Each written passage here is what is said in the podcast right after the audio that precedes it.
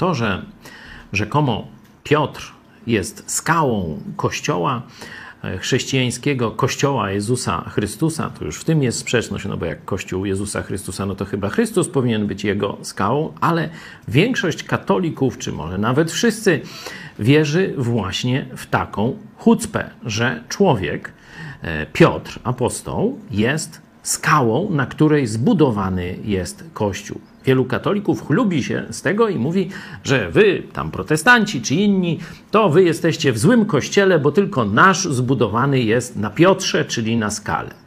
To jest oczywiście fałszywa interpretacja słów Jezusa. Jezus powiedział, że to wyznanie Piotra, ty jesteś Mesjasz, czyli Chrystus, który odkupi swój lud. To jest skała, fundament Kościoła, ale teraz pokażę Wam, co jeden z największych bohaterów Starego Testamentu sądzi na ten temat. Autor e, zdecydowanej większości psalmów, czyli król Dawid. Otwórzcie sobie proszę Biblię na e, psalmie 18. Tam Dawid mówi tak.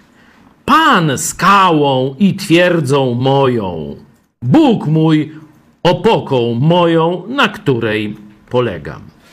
Takich fragmentów znajdziecie wiele w psalmach i w innych częściach Pisma Świętego. To Bóg jest opoką, to Bóg jest jedyną skałą, na której polegamy.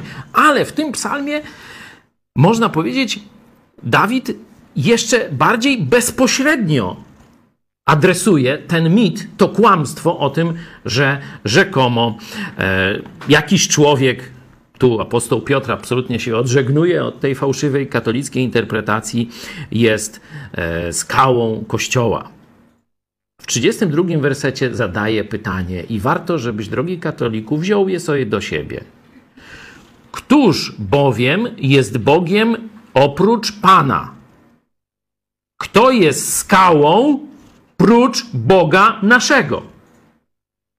Masz jeszcze jakieś wątpliwości?